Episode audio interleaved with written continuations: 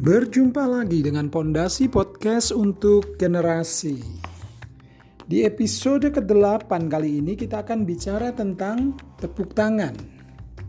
Ini sob, sekarang media sosial itu boleh dikatakan bukan lagi sebagai tempat untuk sharing, tapi banyak orang menggunakannya untuk pamer, untuk menunjukkan betapa hebatnya dia, betapa hidupnya lebih enak dari hidup orang lain, menunjukkan betapa hal-hal yang baik dari dia, betapa mewahnya dia bisa hidup. Dan itu ditunjukkan di media sosial, entah itu Instagram, Twitter, atau Facebook, dan lain-lain. Jadi, sebenarnya apa sih tujuan orang mempostingkan hal yang baik? Jarang kali orang mempostingkan hal yang buruk dari sisi hidupnya. Nggak mungkin kan? Dia mendisplay hidupnya yang baik-baik saja, yang yang asik-asik aja. Ada kemungkinan karena orang seperti ini membutuhkan pujian, membutuhkan pengakuan, membutuhkan juga tepuk tangan. Tanpa tepuk tangan bagi sebagian orang, apalagi bagi para petinggi nih, adalah penderitaan.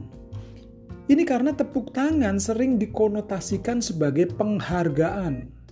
Tepuk tangan adalah pengakuan atas prestasi kinerja yang luar biasa Tepuk tangan adalah simbol kesuksesan.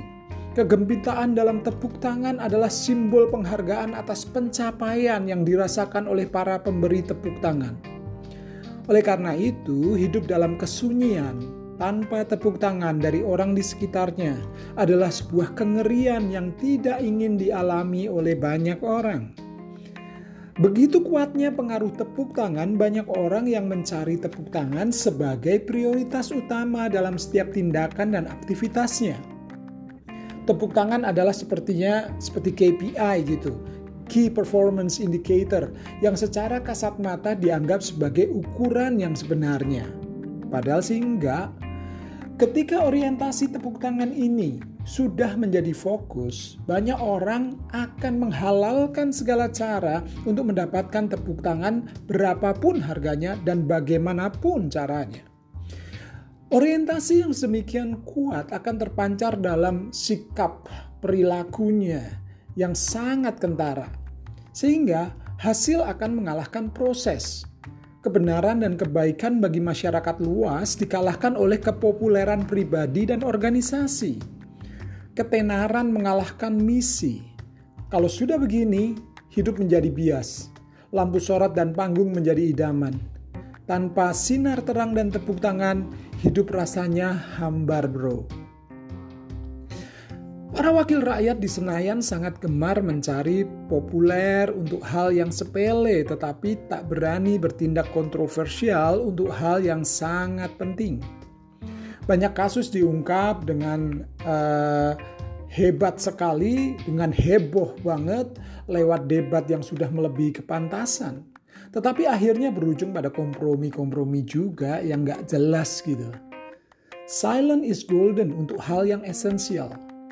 Seperti soal pelecehan hak beragama dengan penutupan tempat-tempat ibadah tetapi bersikap noisy is diamond untuk hal sepele yang bisa mendatangkan ketenaran. Sekali lagi sob, ketenaran. Banyak yang pansos sih di dalam hal-hal seperti itu. Para pemimpin bangsa, mulai dari tingkat pusat sampai tingkat lokal, sibuk mencari proyek untuk kepentingan pilkada tanpa memikirkan pengorbanan yang seharusnya dilakukan hari ini untuk menyongsong masa depan.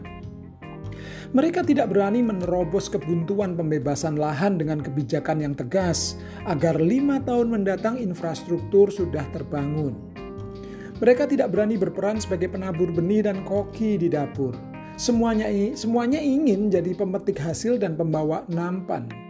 Terjadi perebutan siapa yang akan menggunting pita dan membubuhkan tanda tangan prasasti. Akibatnya, roda pembangunan sangat berorientasi pada hasil jangka pendek saja. Jangankan rencana pembangunan 25 tahun, 10 tahun aja sudah dianggap wacana omong kosong. Makanya nggak heran, banyak sekali program-program yang cuma isinya pencitraan aja. Para petinggi perusahaan dengan bangga memasang iklan seremonia dan advertorial di media elektronik media sosial yang biayanya kadang sepadan dengan program CSR, Corporate Social Responsibility mereka.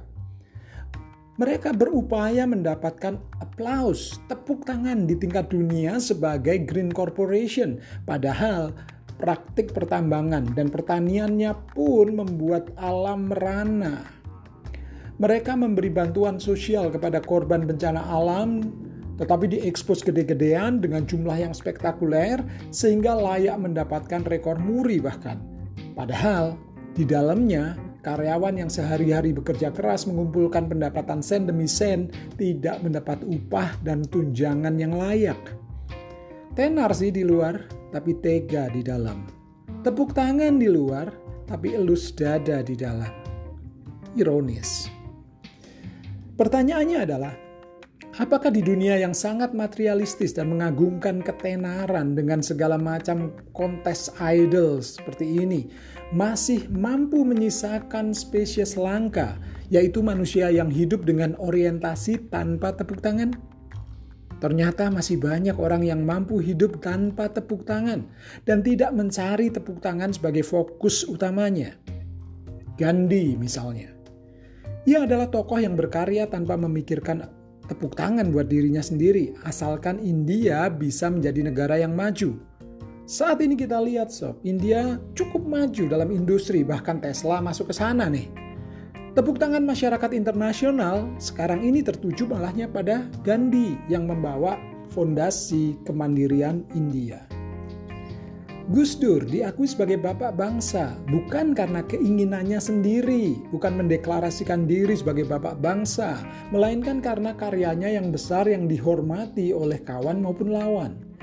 Ia memang sering dianggap kontroversial karena ia tak mau sekedar berjalan dengan cara yang mainstream, yang tidak memberi maslahat bagi semangat persatuan, pluralisme, dan kebangsaan. Ia melawan siapa saja yang mau membelenggu pluralisme. Ia membela orang kecil. Ini yang berbeda dengan banyak pemimpin yang hanya suka membeli orang besar. Ia berani melawan arus sekedar mengingatkan bahwa bangsa ini perlu pemikiran baru. William Suryajaya membuat kejutan dengan merelakan Astra lepas hanya untuk menyelamatkan nasabah Bank Suma Langkah ini membuat orang-orang dekatnya, orang-orang yang ada di sekelilingnya waktu itu, yang tidak ingin ia melego perusahaan yang didirikannya dari nol itu, mereka mengelus dada. Tepuk tangan bergegap gempita nih dari seluruh nasabah Bank Suma karena mereka sekarang yakin bahwa uangnya akan kembali. Om William telah menorehkan sejarah bahwa tanggung jawab adalah hal hakiki yang tidak boleh dikalahkan dengan kepemilikan materi. Menjadi manusia yang tidak haus tepuk tangan membuat hidup lebih mudah sob, lebih nyaman dan dan lebih ngalir gitu aja. Dengan demikian, aktivitas didasarkan pada misi dan prinsip. Keheningan membuat manusia bisa tersenyum bahagia ketika melihat karyanya membahagiakan orang lain. Aktivitasnya mencerahkan pikiran orang lain. Sapaannya membuat orang lain lebih berarti, bukan sekedar untuk dirinya sendiri.